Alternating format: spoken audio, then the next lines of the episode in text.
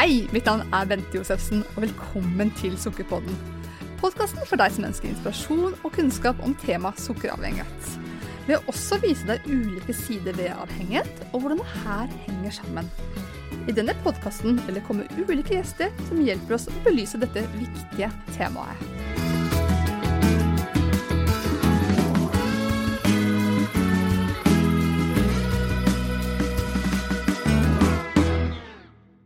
Med meg i dag så har jeg Thea Gundersen Trondbøl. Dama som ikke kan huske et liv uten smerter. Inntil nå nylig. Så i dag skal dere få høre en utrolig spennende og fascinerende historie, vil nå jeg si. Og bakgrunnen for at du er med, Thea, er fordi du har gått vårt program i Frisk uten sukker. Mm. Men fortell litt selv. Hvem er du, Thea? Ja, hvem er jeg? Em, dame på 42. Ja. Bor på Kongsvinger. Er ifra Magnor. em, gift. Har ei datter på 11. Har vært uføretrygdet siden 2015. Mm. Og nå jobber jeg meg sakte, men sikkert tilbake til et eh, bedre liv med mindre smerter. Fantastisk. Mm. Den, den historien skal lytterne få ta del i i dag. Ja. Du har jo hatt utrolig mye helseproblemer, Thea. eh, For å si det forsiktig. Men grunnen til at du kom i kontakt med oss, vi, vi begynner der, tror jeg. Hvordan kom du i kontakt med Frisk uten sukker? Du, jeg hadde kontakt med en uh, gründerkollega av deg. Ja. som uh, spurte om jeg hadde hørt om det og lest om det, og jeg sa nei, det har jeg ikke. Så gikk jeg inn og gjorde det. Og da bestemte jeg meg for å ta kontakt med deg, og det var vel i begynnelsen av mars. Ja. Ja. Mm. Så sånn var det at jeg fikk opp øynene for deg, da. ja. Mm.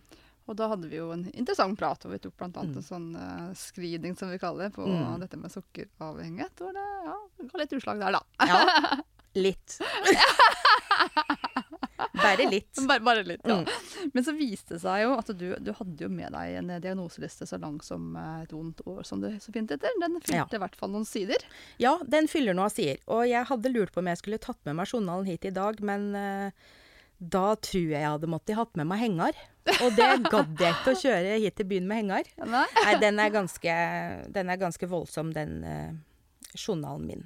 Ja. Så jeg har noen punkter på den diagnoselista mi. Ja, og Mm. den skal vi komme tilbake til. Men uh, den lista var bakgrunnen for at da, da du skulle på det starte vårt program, så ønsket jeg å ha samarbeid med en lege.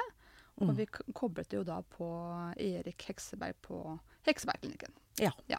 Mm. Men la oss spole litt tilbake til, til barndommen din. Du fikk jo faktisk en så tøff start på livet egentlig òg, du. Eh, ja.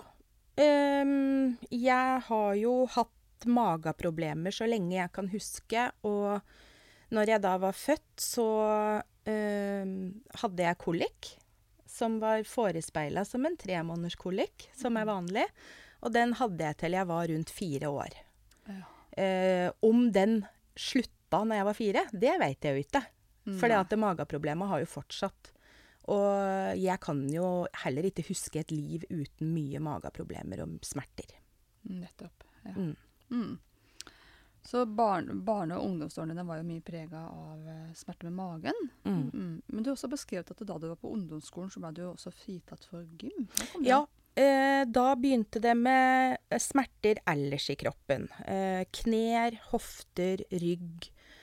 Eh, leddsmerter, muskelsmerter, eh, senefestesmerter. Altså stort sett smerter i hele kroppen. Og det ble så plagsomt og så ille at jeg ble fritatt eh, i gymmen, faktisk. Og på videregående, når de andre hadde litt sånne heavy gymtimer og ikke sånn veldig stille og rolig som jeg kunne være med på, da var jeg og bovla. Du var bowler. Ja. Ja. Det var det jeg gjorde i gymtimen. ja, nettopp. Mm. Riktig. Så det, Mm. start, det starta jo tidlig. Ja, det starta veldig tidlig. Ja. Mm. Eh, hvordan, og hvordan utviklet det her seg? Eh, det utvikla seg sakte, men sikkert, kan du si, alle år. Og jeg fullførte jo skolen, og jeg har jobba eh, i mange år. Hatt eh, egentlig mange tøffe jobber hvor jeg har hatt hele Norge som distrikt. Reist rundt som makeupartist, kosmetolog, jobba innen salg og markedsføring. Eh, hadde 160-180 reisedøgn i året. Så jeg har vært, vært glad i å jobbe. Mm. Jobba veldig mye. Eh, men hatt veldig mye vondt. Ja. Og så begynte disse sykemeldingsperiodene å komme, da, for da var det ryggen som streika først. Mm. Så ble jo de eh, både hyppigere og lengre. Mm. Så måtte jeg da til slutt ta en veldig stor ryggoperasjon i 2004 Ja. i Stockholm. I Stockholm. Ja, Mm. Da satte jeg inn ei protese i korsryggen, og etter tre måneder eh, etter den, da, så var jeg tilbake til full jobb igjen. Så da kunne jeg holde på litt til. Riktig. Mm. Men jeg kom på, du hadde jo faktisk også nyrestein på ungdomsskolen. Ja, det hadde jeg. To tilfeller med det. Ja, riktig. Mm. Mm. Og da fikk han jo høre at han kanskje sleit med psykiske problemer, da. Når han gikk til legen og sa at jeg har mye vondt i magen og kvalm og uvel og eh, Dårlig, rett og slett. Ja. Ja, men det er ikke noe med skole, kjæreste, venner Nei, det er ikke det, men eh, hva tror han da når han er 14-15 år? Nei, det kan du si. Og så ble det jo så ille at jeg ble eh, Fikk påvist det, da. Nettopp. Mm. Ja. Mm. Så det har jo vært, eh, vært mye helseutfordringer. Eh, Mm. Men har du, vært, har du liksom vært mye gjennom mye helsevesen til utredning sånn, eller hvordan har det arta seg? Å, kjære vene, ja. Det skal jeg love deg. Ehm, jeg har vært inn og ut hos leger, spesialister, sykehus, klinikker, det du kan tenke deg i Ja, så lenge jeg kan huske. Jeg husker jo til og med at jeg var på, gikk på barneskolen, og foreldra mine bestilte time på Volvat. Ja. Fordi at man blir så fortvila til slutt, da, for at han ikke får den hjelpa han håper og trenger, da.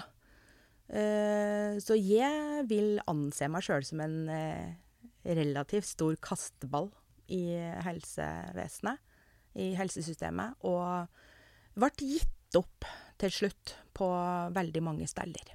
Nettopp. Mm. Og hvis jeg skal nevne noen da, av disse diagnosene du har, for lista er jo lang, som vi sier. Du har jo med den boka her. Ja, og og det god, tid, og god tid har du! For dere som ikke kan se, så skulle dere sett den boka til Thea. Det er, er altså side opp og side ned, men la oss Ja. ta det viktigste. Ja.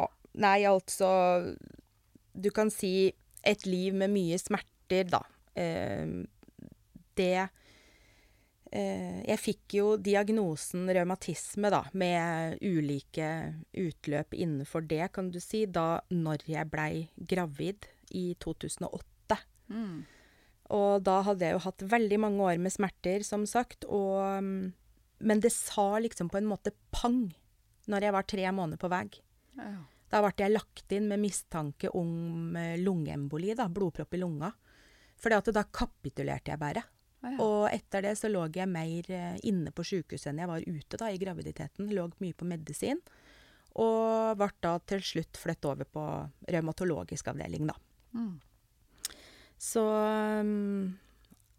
eh, Så i 2008 så fikk jeg liksom diagnosen revmatisme. Mm. Men jeg har jo eh, hatt to slag i 2015. Du verden, og du er ikke gammel, Thea. Eh, nei, jeg var ikke så veldig gammel når de kom. Eh, det var ikke. Eh, jeg har en veldig stor svulst i huet som er godarta. Men eh, den har vokst og vokst og vokst, og nå er den så stor at han ikke kan vokse mer, faktisk. Han fyller hele rommet han ligger i. Hva var Eh, planen med den?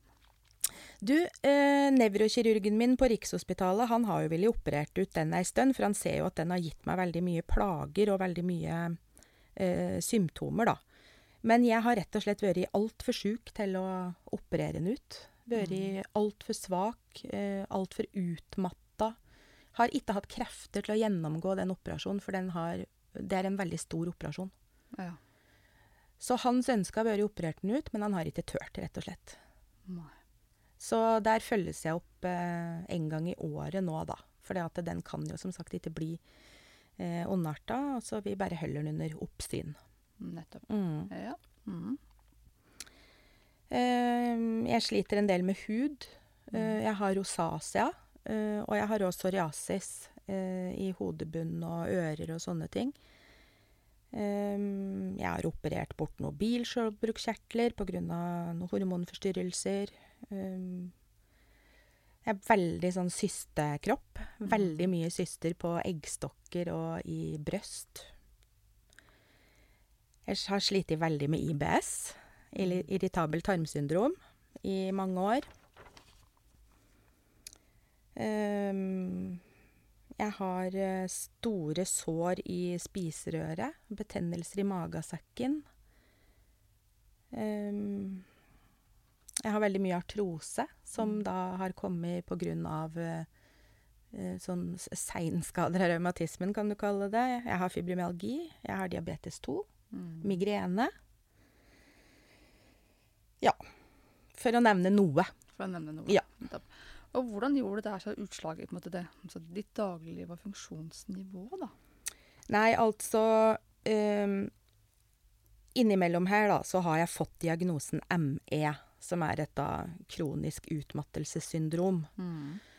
Jeg har jo ikke villet akseptert den diagnosen sjøl, for at jeg har tenkt at eh, den diagnosen må jeg ha fått som uh, følge av alt annet. Ja. Det er jo ikke noe rart om du blir sliten og utmatta når du har så mye andre plager, så jeg har tenkt at det er en følgesdiagnose. Mm. Men uh, det har da utarta seg sånn at jeg har sovet veldig, veldig mye. Hvilt veldig, veldig mye. Eh, på de verste dagene så har jeg hatt eh, 18-20 timer eh, i senga. Og da er det ikke bare at jeg har hvilt, da har jeg sovet i 18-20 timer. ja For så fort jeg har lagt meg ned, så er jeg søvnet. søvne. Mm. Eh, I huset vi bodde i før, så bodde vi i tre etasjer. Det var et hus vi bygde som vi var kjempefornøyd med. Eh, ikke så fornøyd når jeg ble skrøpeligere og skrøpeligere, men der hadde jeg trappeheis. Ja. Eh, jeg hadde dusjkrakk, jeg hadde arbeidsstoler på kjøkkenet, jeg hadde rullestol. Jeg hadde veldig mange eh, hjelpemidler for å klare meg i hverdagen, faktisk. mm. De dagene jeg var oppe. Nettopp. Ja. ja. Eller så var det mange timer tilbrakt i senga, og veldig mange timer tilbrakt i nederste etasjen. Ja. Der jeg hadde soverom og vaskerom og bad. Det var der jeg var. Nettopp. Ja. Og hvordan påvirket dette familielivet? Nei, altså eh, Det er faktisk eh, ganske vondt å prate om. For at jeg hadde jo da ei datter som eh, ikke var så gammel når dette begynte. Mm. Og vi har bare hender. Ja. Eh, og da ha en mor da, som ligger for det meste. Mm. Når jeg er oppe, så sitter jeg enten i en stol eh, Unnskyld, satt. Satt. Takk, ja. Satt. Satt. Mm. Mm. Satt i en stol, eller lå på en sofa, eller var veldig lite aktiv og veldig lite delaktig. Mm. Det går jo utover humøret. Mm. Og hele tida ha vondt, hele tida smerter, hele tida være sliten. Mm. Uopplagt. Jeg ble jo sur, irritert. eh, ja, rett og slett følte meg som verdens verste mor og Mm. forelder. Mm. Og så kom du et vendepunkt. Ja. Og det er bakgrunnen for at du sitter her i dag, Thea. Ja. ja. Og for, for å si det som en sånn parentes, det studiet vi sitter i nå, det er en underetasje med en spiraltrapp som er ganske bratt. Den tok du elegant, Thea. Den tenkte jeg ikke på engang. Nei. For tre-fire måneder siden så hadde jeg måttet spørre deg er det trapp, er det bratt, er det mulighet for å komme inn fra bakkeplan, Eh, er det, er det treskaller der? Det hadde jeg måttet spørre om. Ja. Nei, det er ei bratt spiraltrapp, hadde du sagt da. Da hadde jeg sagt at da veit jeg ikke om jeg kan komme. Nei. Nei. Vi har heldigvis heis også, men den trengte du i hvert fall Nei, trengte ikke den. Nei. Nei. Fantastisk. Så din reise inn i et nytt annet liv, det begynte jo i mars i Mm. år. Altså vi er i 2020. Mm. Det er ikke så mange uker siden, Thea. Nei. Nei, så hva skjedde da? Nei, altså, det som skjedde var jo det at eh, Og bare for å legge til det, jeg har prøvd alt. Ja. Jeg har prøvd absolutt alt. Jeg har vært en kasteball i mange, mange år, men jeg har ikke vært passiv. Jeg har tatt tak i det sjøl, Mm. søkt meg opp på steller, leger, spesialister. Alt for å få gjort noe med situasjonen min. Mm. Jeg vet ikke hvor mye jeg har prøvd, og jeg vet ikke hvor mye penger jeg har lagt ned i dette. Mm. Ingenting har hjulpet. Og da kommer du kanskje til et punkt hvor du gir opp litt. Mm. Naturlig. Og så kan jeg jo ikke det. For jeg har jo en mann, jeg har jo ei datter, jeg har jo et liv som jeg skal leve til det fulleste på min måte. Det jeg klarer, da. Mm. Og så når jeg da fikk høre om det, og begynte å lese om det, og tok kontakt med deg, og du sa at uh, vi kjører i gang 23. mars, Mm. da sa jeg det til mannen min at uh, du må bli med meg på dette. For at jeg veit ikke om jeg klarer det aleine. Mm. For du blir rimelig sliten til å møte motgang og møte um, ting som butter hele tida, da. Så jeg må ha med noen som, eh, som drar meg med, da. Holder Ja. meg i gang. Ja. Var den Så positiv til det? eller? ja, faktisk med en gang. Ja. Yes, dette gjør vi. Dette prøver vi. Mm. Så fra 23. mars så tok det jo ikke mange da før jeg merka stor forandring. Tenk det. Ei uke, da var magen helt bra. Og jeg har vært slik at jeg har måttet planlagt hver tur ut av huset på grunn av magen. Ja. Jeg har ikke kunnet ta tog. Når jeg bodde på Jessheim, så kunne jeg ikke pendle med tog, for da var ikke toalettene oppblåst. Mm. Imellom Jessheim og Oslo så måtte jeg finne en konduktør. ja. Og for å si det sånn, det rakk ikke jeg. Nei. Så jeg måtte begynne å pendle med bil. Mm. Og jeg måtte pendle da sånn at jeg var eh, inne i byen før rushen hadde starta, og jeg satt i Oslo til rushen hadde gitt seg med aftan. For jeg kunne ikke stå i kø. Nettopp. Så magen, i løpet av ei uke så var den helt forandra. Eh, smerter Mm. var jo, om ikke helt borte, så så godt som borte. På én uke. Ei uke. Migrenen borte. Jeg trengte jo ikke sove på dagtid lenger. Når skjedde det sist at jeg ikke sov på dagtid? Jeg har alltid gått og lagt meg igjen når dattera mi har gått på skolen. Ja. For å klare å ta imot henne når klokka er to. Mm. Det trenger jeg heller ikke jeg lenger. Tenk det.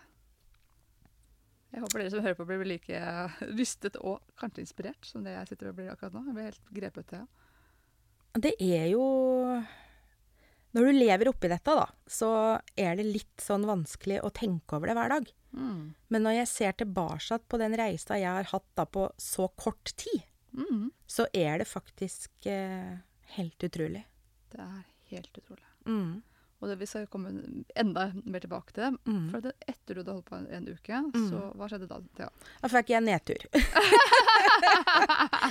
og det i form av at eh, vi samarbeida jo med Erik Hekseberg, som du sa innledningsvis. Eh, en fantastisk mann som jeg var veldig glad for å ha med på laget da, sånn innledningsvis. For at jeg har jo som sagt en del diagnoser, og det var Mm. veldig betryggende å ha med seg en, eh, en eh, erfaren lege som kunne bekrefte at det vi gjorde, var eh, greit. Mm.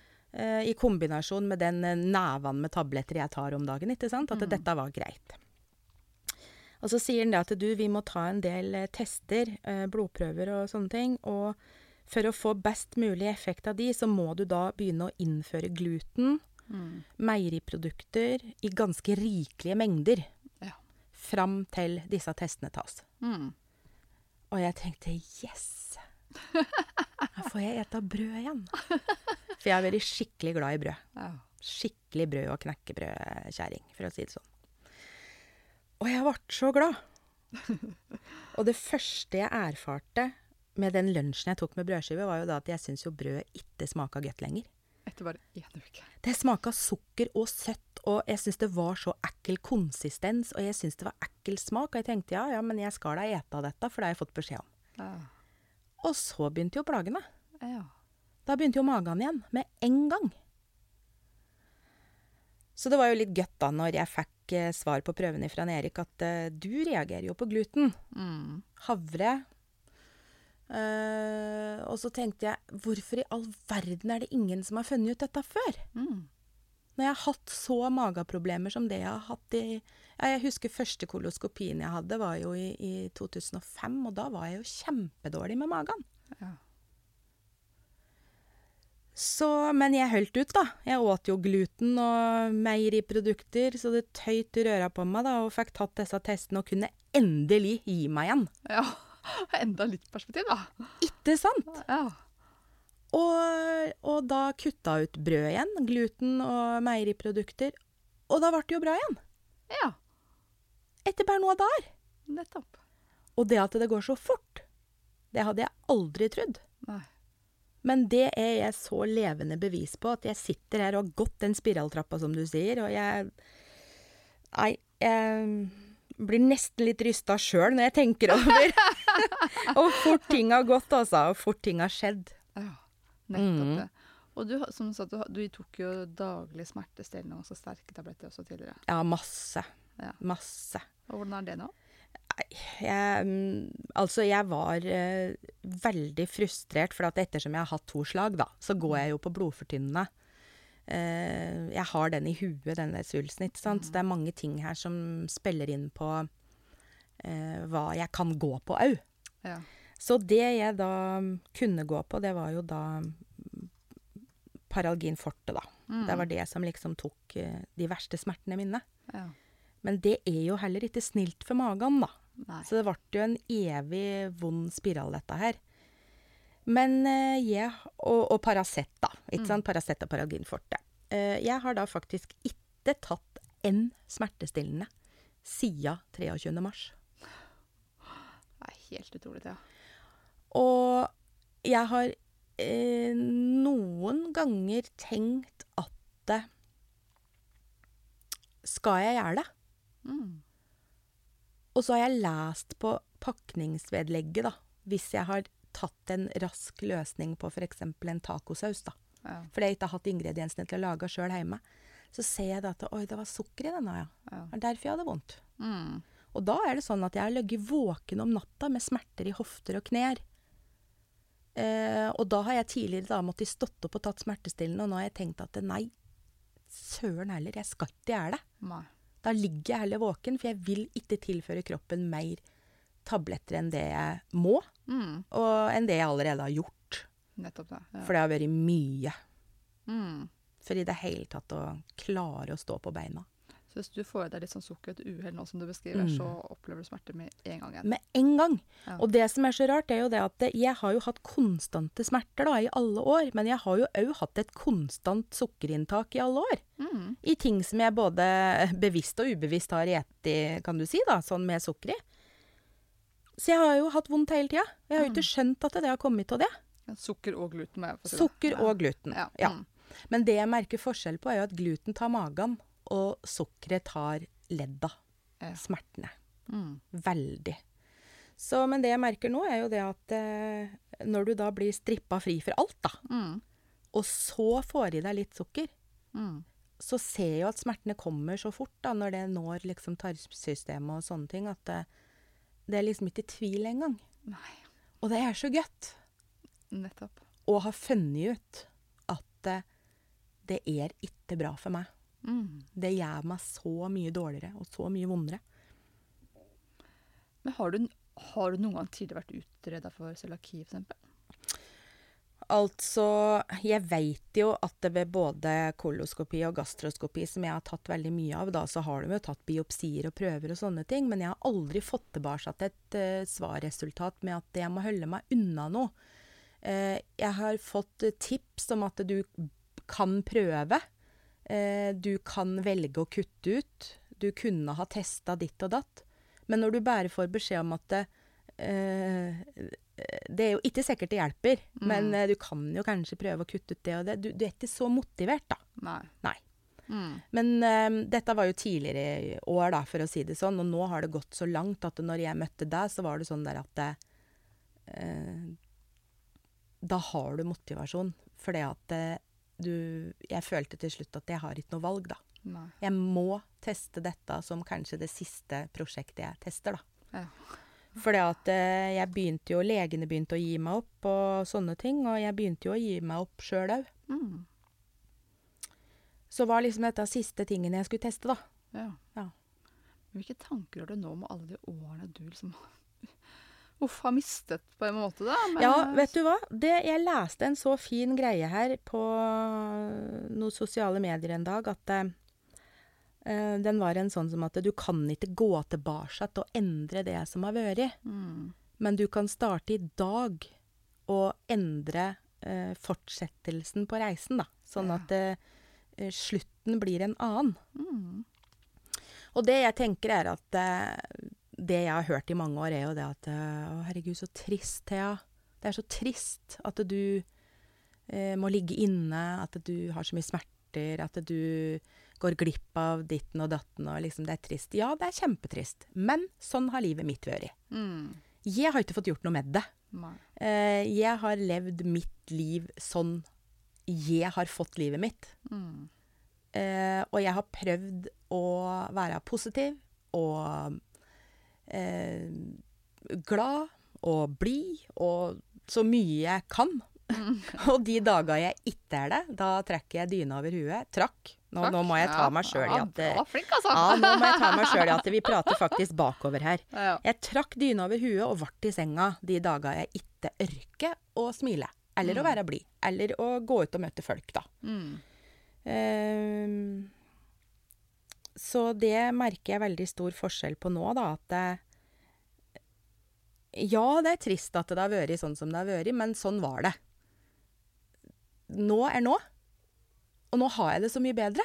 ja, fantastisk. Og da må jeg leve enda til det fullere, da. Ja. På de åra som jeg har nå som er bra, ikke sant. For å ta igjen litt det som jeg har gått glipp av, da. Ja. Ja. Og det har du jo gjort. Begynt å gjøre til fulle også. Ja, virkelig. Før så Jeg rykker jo ikke møte venninner til lunsj. Jeg rykker jo ikke Ja, hvis jeg gjorde det en dag, da, så visste jeg da at da ligger jeg jo to til tre dager etterpå. Mm. Og da ble det så mye enklere å si nei, da. Ja. Nei takk, jeg tror jeg blir hjemme. Mm. Men nå så har jeg jo avtaler liksom hver dag. Og nå prater jeg ikke bare lunsj, altså. Det er ikke sånn at jeg bare går og lunsjer med venninner hver dag. Hva er gærent med det, liksom? Jo, nei, ja, jeg kunne ha gjort det, men Men nå har jeg jo faktisk begynt å jobbe litt òg. ja, tenk det, ja. Ja, tenk deg det. Uføretrygde, og så har jeg en bitte liten jobb, da. Det er ikke mer enn to dager i uka, to timer hver gang. Men det er nok til at jeg kommer meg ut. Jeg får sosialisert meg. Jeg får treffe folk. Jeg får skravla. Eh, det har liksom Ja, det er jo alt å få komme ut litt mer enn det jeg har gjort. Og fra å være sengeliggende og trenge trappeheis, så Ja. jobber du, ja. Ja, jeg jobber. Ja. Og jeg tok meg sjøl i Der vi bor nå, da, så har vi ei trapp med 17 trinn eh, liksom på utearealet, da. Mm. Og jeg tok meg sjøl her en dag i at jeg sprang opp den trappa. Wow. Tenk deg det, ja. Oi, oi, oi. Fra å ha trappeheis til å springe opp 17 trinn. Det er jo helt vilt. Ja, det har skjedd noe. Det har skjedd mye. Det har skjedd veldig mye på kort tid. Det har det. Det er helt fantastisk. Jeg sitter jo her med skikkelig gåsehud. det er helt fantastisk. Det har vært spennende å følge deg. Kan du si litt hva slags kosthold hadde dere i familien som, Ah, før liksom, du traff hun der sukkerdama? da? Å, må vi prate om det? Å, herregud. Ja, dette er jo flaut, men jeg var konstant sulten. Mm. konstant øh, vondt i huet, vondt i magen, sulten, løs på noe. Eh, jeg var liksom aldri mett. Sjøl om jeg åt meg mett, så tok det bare en liten stund, så var jeg sulten igjen. Mm. Eh, og så var det sånn derre Å, skal vi ha til middag? Nei, finn på noe du. Nei, finn på noe du. Nei, det er din tur. Det var sånn evig mas. Og så til slutt så ble det ikke sånn derre Hva skal vi ha til middag? Det var Skal vi ha pizza eller kebab? Mm. Og ringer du, eller ringer jeg? Det var valget, det. Var valget. Ja. For jeg var så sulten at når den tida kom at vi skulle ha mat, så jeg, jeg, jeg, Vi kunne ikke reise. Jeg hadde jo ikke noe i kjøleskapet. Ikke noe, ikke noe sånn ordentlig mat, liksom. Og vi kunne jo ikke reise ut og kjøpe noe og lage middag. sånn. jeg hadde jo daua på den tida der. Ja. Ja, jeg hadde rett og slett ikke overlevd, så sulten var jeg. ja. Så da var det bare å få tak i noe fort og gæli, og det ble mye Unnskyld uttrykket drittmat. ja. Og det er noe som jeg har veldig dårlig samvittighet for. Overfor familien. At jeg ikke har vært eh, friskere, bedre til å liksom ta tak i det, da. Mm. Og det hører med til historien her at Anders, eh, mannen min, han eh, har bestandig hatt jobb så langt unna. ja, det har det! Ja. Så han pendler eh, tre timer hver dag. Har gjort egentlig så lenge Ja, helt til vi flytter fra Oslo, da. Mm. så Men han har vært den som har handla, han har vært den som har tatt hagen, han har vært den som har gjort alt, da, vaska hus og alt. Ja. Fordi at jeg har jo ikke ørka det. Nei. Og så når han kommer hjem igjen, da, fra jobb, sånn i 60, ikke sant, så skal jeg si nei, nå må du på butikken og finne middag, og den må du kanskje lage òg. Ja. Ja. ja. Så til slutt så ble det sånn at eh, de enkle løsningene med maten, da, det følte jeg nesten var bedre samvittighet enn å sende han ut for å handle, lage middag. Ja. Men jeg har mye dårlig samvittighet for det, og også ovenfor Vilma, da, dattera mi, selvfølgelig. Så det er noe vi jobber mye med nå, da. Husk på at vi gjør det beste vi kan til enhver tid med de forutsetningene vi har til. Ja. Det må jeg eh, ha tenkt veldig mye. Jeg har tenkt det veldig mye, at jeg gjør så godt jeg kan. Ja. Eh, og noe annet enn det får ikke jeg gjort. Og det jeg ser, er at det, nå, det jeg gjør nå, det er så mye bedre. så nå trenger jeg ikke ha så mye dårlig samvittighet lenger, vet du. For hva gjør du nå? Nå er det bare gode, friske råvarer, og det er kjøleskapet alltid fullt av deilig mat. Kan alltid åpne kjøleskapsdøra og lage noe. Ja. Um, og nå er det liksom ikke skal vi ha pizza eller kebab, nå er det liksom skal vi ha kylling, skal vi ha fisk, skal vi ha svin, skal vi ha okse, liksom hva skal vi ha? Mm. Av det vi har i kjøleskapet, da. ja. Og um, Nei, det, det er virkelig livet før og etter 23. mars. Det er min dato. Det er din, dato. Ja, det er det. Ja, utrolig Og jeg merker jo store forskjeller på Anders og mannen min, da. Ja. Merker store forskjeller på han òg. Så eh, bonusen at man har gått ned i vekt, liksom, det er jo én ting. Men han har jo alltid vært veldig glad i å løpe, da. i maraton og sånne ting. Og så følte han seg dårlig i form, og etter at vi begynte med, med FUS, da, så går ting litt lettere for han nå, da. ja, nettopp. Så det er uh, godt å se resultater. Det er hyggelig. at Mm. Dere har fått nye ekte, par, ekte partnere begge to. Ja, ja, ja. ja ja. fått uh, Og det hører med til historien. De, de ser meg jo ikke, de som hører på meg, men jeg er jo overvektig, og det ble jeg jo i, i forbindelse med at mange diagnoser kom, da, med hormonforstyrrelser og sånne ting. Og jeg har jo egentlig alltid vært veldig slank. Ja. Eh, på ungdomsskolen så var jeg 1,74 og veide 47 kilo, så jeg var vel kanskje mer enn slank òg. Jeg var jo veldig tynn da.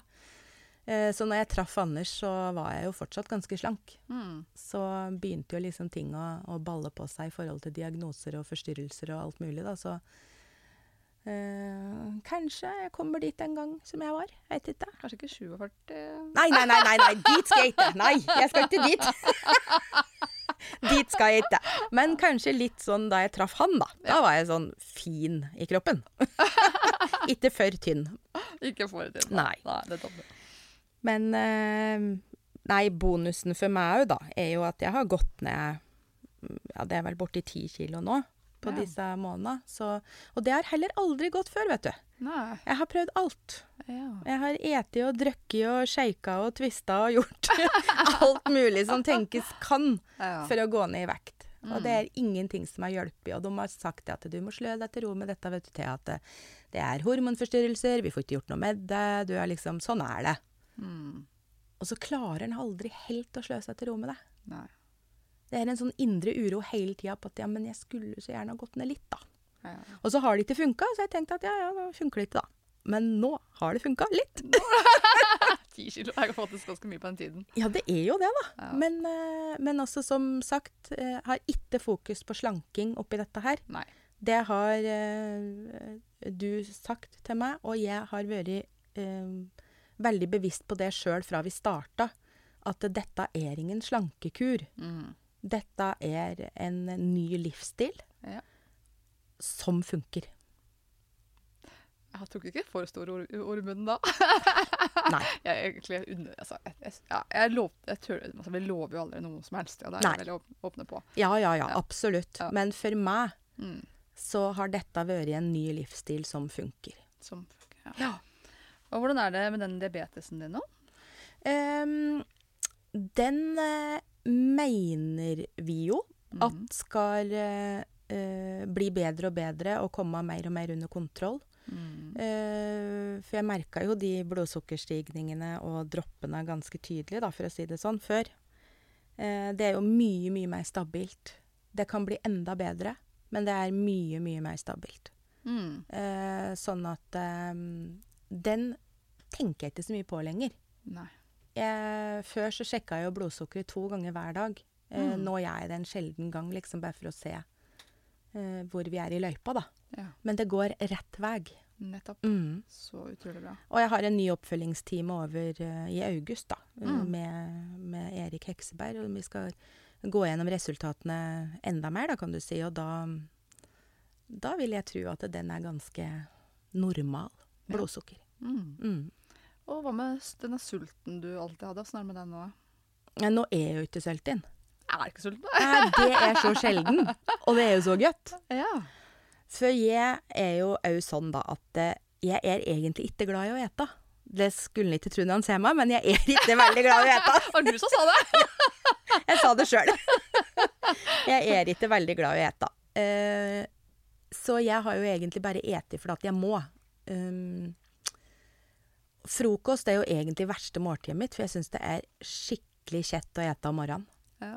Eh, etter en god innføring med Erik på telefon, så forstår jeg jo viktigheten nå med frokost for meg, da. Ja, for Som har diabetes 2. Mm. For meg så er jo det det viktigste måltidet. Mm. Og desto før jeg får i meg frokost, desto bedre er det, for da stopper jo den insulinproduksjonen opp. Eller Mm. bremses, da. Så ehm, jeg eter frokost, da, sjøl om jeg ikke vil. Ja. Sjøl om jeg ikke er sulten. Mm. Og så klarer jeg meg jo stort sett da med ett måltid til i løpet av dagen. ja. Wow. Eller to. Mm. Mm, Stort sett bare ett. Og jeg er jo ikke noe særlig sulten, og det er jo er veldig logisk at da eter jeg jo riktig, da. Ja, Ettersom jeg ikke går og er sulten hele tida. Og, for jeg hadde jo sånn der sultenhet som bare gnog i magen. vet du. Det var jo så fælt. Det var vondt. Mm. Men um, å gå konstant sølvtinn og ikke være glad i å ete, det er en litt sånn kjed kombinasjon. Ja, litt. Ja, den er litt kjed, skjønner du. Så jeg måtte bare ete, for jeg var så sølvtinn. Nei, men uh, nå er jeg ikke så mye sulten lenger, altså. Så det er faktisk uh, veldig deilig, syns jeg. Mm. Å få den derre roa i kroppen på at uh, han ikke bare higer etter mat hele tida. Nettopp. Mm. Men hvordan har dette påvirka familielivet, da? Dynam dynamikken i familien? Litt mer slitsomt, hvis du spør Anders. For nå begynner jeg vel å bli mer og mer meg sjøl igjen. Mindre og mindre tid på soverommet, mindre og mindre tid sovende, ikke sant. Nå er det mye mer Nå er jeg mye mer med, da. Mye Ja. mer til stede. Uh, og når jeg er til stede, så høres det jo som regel alltid. For at jeg er ikke den som, øh, som klarer å holde fred så mye. så nei, jeg merker jo det at øh, jeg er jo mye mer til stede. Um, jeg er jo mye mer um, Hva skal jeg si? Uh, jeg er med på um, aktivitetene som dattera vår går på. Uh, bare det å være med på butikken, være med å handle, være med å ja, Jeg veit ikke hva jeg skal si. Jeg, jeg er jo så mye mer nå da, enn jeg gjorde. Og det er klart at det bare det at jeg er mer tilstedeværende og er oppegående, Mm. det gjør jo noe med de andre òg, da, i familien. At uh, de ikke må ta hensyn for at jeg ligger Eller at vi kan ikke reise dit, for dit kommer ikke jeg meg. Eller vi kan ikke gjøre det, for det orker ikke jeg. Mm. Nå gjør vi liksom det vi vil. Ja, fantastisk. Jeg var jo på Tusenfryd en hel dag her forrige helg, og Wow. det er slitsomt, altså. Eh, Å ja. flyge på den asfalten der fra halv elleve til seks. Ja. Men det funker. Det funker. Mm. Wow. funker. Og det er klart at eh, jeg ser jo på Vilma òg, at hun er jo mye lykkeligere hun òg når jeg er med og kan, kan delta på ting. Det er klart, det. 'Mamma, kan du kjøre meg?' 'Nei, du må spørre pappa'. Det var liksom sånn alltid før. Mm. Og nå er det stort sett uh, jeg som tar det, da. Ja, Så det gjør jo noe med alle. det gjør jo det. Mm. Fått sånn livet tilbake i gave. Har jo det. Ja. Kan jo si at eh, har fått tilbake uh, veldig mye, i hvert fall. Om ikke Ja. alt er på plass enda, så er det veldig mye som er på plass. Definitivt. Og så jobber jeg meg jo mot å få på plass resten. Mm. Ja, det regner jo med at det kommer til å skje. Den progresjonen du har hatt, ja, så tenker jeg jo at det er jo alt, kanskje. Ja. Ja, det er jo litt sånn for godt til å være sant. Og jeg kan jo skjønne når jeg prater med venner eller familie om liksom det som har skjedd på de månedene, så kan jeg jo høre sjøl at det høres litt for godt ut til å være sant. Men de som kjenner meg, da, og de som har sett meg, de ser det jo. Ja, ja, ja. Ifra å ikke se meg, til at jeg er faktisk ute og jobber og er med på ting, da. Mm. Så det er, eh, det er faktisk eh, ikke for godt er sant. Det er sant. Det er sant. Og det har, Mm. gått, det har gått knappe tre måneder, og du hadde jo Mm. også da en uke avbrudd med det der, eh, den testen Åh, du det skulle gjøre. glutenprosjektet som ikke var noe for meg, altså. ja, nei, ja. Så jeg har jo hatt et avbrudd her, ja. Et lite avbrudd. Men eh, nei. Det, så kort tid har det tatt. Så at mat kan være medisin, det er du i hvert fall et levende bevis på. Levende bevis på at riktig mat er eh, min medisin. Mm. Mm. Definitivt. Men er det noen andre sånn mentale verktøy du har tatt i bruk, eller er det noe annet du har tatt med deg fra den FUS-reisa? Altså, jeg er jo det meste der, da, kan du si, som, eh, som, eh, som vi har blitt lært opp i. Lært eller hjernevaska? Ja, hjernevaska, lært opp, jeg vet ikke. Men jeg er en veldig flink elev, da, kan du si. For jeg gjør det du har bedt meg om å gjøre. For når jeg gikk inn i dette her, så tenkte jeg det at jeg skal ha full tillit til Bente og teamet hennes. Mm. Jeg skal stole på at det de sier, det, det er sånn. Sånn er det, det er sant. De har gått opp denne løypa for oss før. Mm. Jeg må stole på at eh, om ikke jeg blir 100% bra, da, så kan jeg i hvert fall sikkert bli bedre på noe punkt, var innstillingen min. Ja. Eh, så jeg har jo ikke gjort noe annet enn det du har sagt. Nei. Det er ikke noe sånn der at jeg har fått en mirakelkur ved siden av, eller jeg har fått ei mirakelpille til deg, liksom, sånn ved siden av. Jeg har gjort akkurat det du har sagt at vi skal gjøre. Eller Mm. anbefalt oss å gjøre, da. Ja. Det er bare det jeg har gjort. Jeg har ikke gjort noe annet. Nei. Jeg har kutta det du har anbefalt å kutte. Jeg har tilført de tilskuddene og det du har anbefalt oss å gjøre. Mm. Og det er det jeg har gjort. Mm. Og én ting er eh, hvis du eh, bare i gåsetegn har en sukkeravhengighet Mm. og følger de eh, rådene du kommer med. Men jeg som har hatt så innmari mange diagnoser og vondter og betennelser, og så, og så ser man liksom at det funker på meg, da. Ja. Etter så kort tid. Og jeg har jo bare gjort det du har sagt. Ja. Og da tenker jeg at eh, jeg ønsker så innmari at eh, alle oppdager dette her. Mm. For det at du trenger ikke ha den derre blokka mi med diagnoser. Det kan være nukk med at du har eh, Eller nukk, altså misforstå meg riktig, men at du har en sukkeravhengighet uten diagnoser, da. Ja. Eh, eller at du har noe av småplager, for å kalle det det. Så er jo det eh, veldig individuelt. Og det er jo eh, Altså, alle har jo sitt liv med sine plager og sine utfordringer. Mm. Og jeg tenker at eh, når jeg ser hvor mye dette gjør for meg, Ja. så håper jeg så inderlig at eh, alle vil gjøre noe med det. Alle vil ta tak i det. For jeg er sikker på at har du ikke så mye utfordringer i dag, så vil du allikevel få det litt bedre. Så til de som sitter og kvier seg og tenker at uff, jeg går kommer til å gå glipp av så mye, hva vil du si? Altså, jeg tenkte jo det. Ja. Jeg tenkte jo alltid jeg kom til å gå glipp av, og jeg må jo ærlig innrømme at Pepsi Max-en, det- som de fleste sier, da eh, Den eh, Det var jo min eh, trofaste venn, det. Ja. Ja. Eh, og jeg tenkte jo det at å, skal jeg aldri mer, og «Åh, skal jeg gå glipp av det, og å, det er liksom så strengt, da. ja, jeg vet. Men så, som sagt, så tenkte jeg det at jeg gjør som hun sier. Jeg veit at det funker, de har gått veien før oss, og dette her er jo noe som eh, gir resultater hvis man eh, følger det, da. Mm. Så um, Ja, man kan tenke alt man går glipp av. Mm. Men det jeg tenker nå, er jo alt jeg har gått glipp av ved å være dårlig form Mm. i så mange år.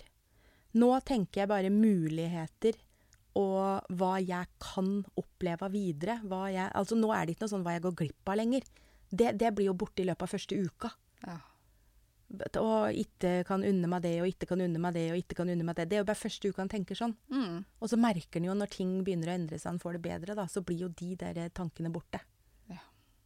Så hver gang er Altså borte og borte. Jeg kan jo au fortsatt nå tenke at åh, nå hadde det vært godt med noe jeg ikke skal ete, ikke sant? Nå Ja. hadde det vært godt med noe som ikke er bra for meg. Ja. Men det er veldig fort gjort for meg å tenke tilbake at eh, OK, men da blir jeg liggende med smerter, da. Mm. Vil jeg det? Er det under seg? så er motivasjon det, det er ganske enkelt å motivere seg, da. Når han veit at, eh, at det for meg så er det ikke bare å ha sprekk i, for å si det sånn. For meg så får jeg faktisk veldig fysiske konsekvenser av det. Mm. Så til de som sitter og tenker eh, 'uff a meg, uff a meg, dette er skummelt', så første uka, og så er det borte. Så er det bare bra. Så bra. Bare positivt. Men hva har du gjort med alkohol til, da?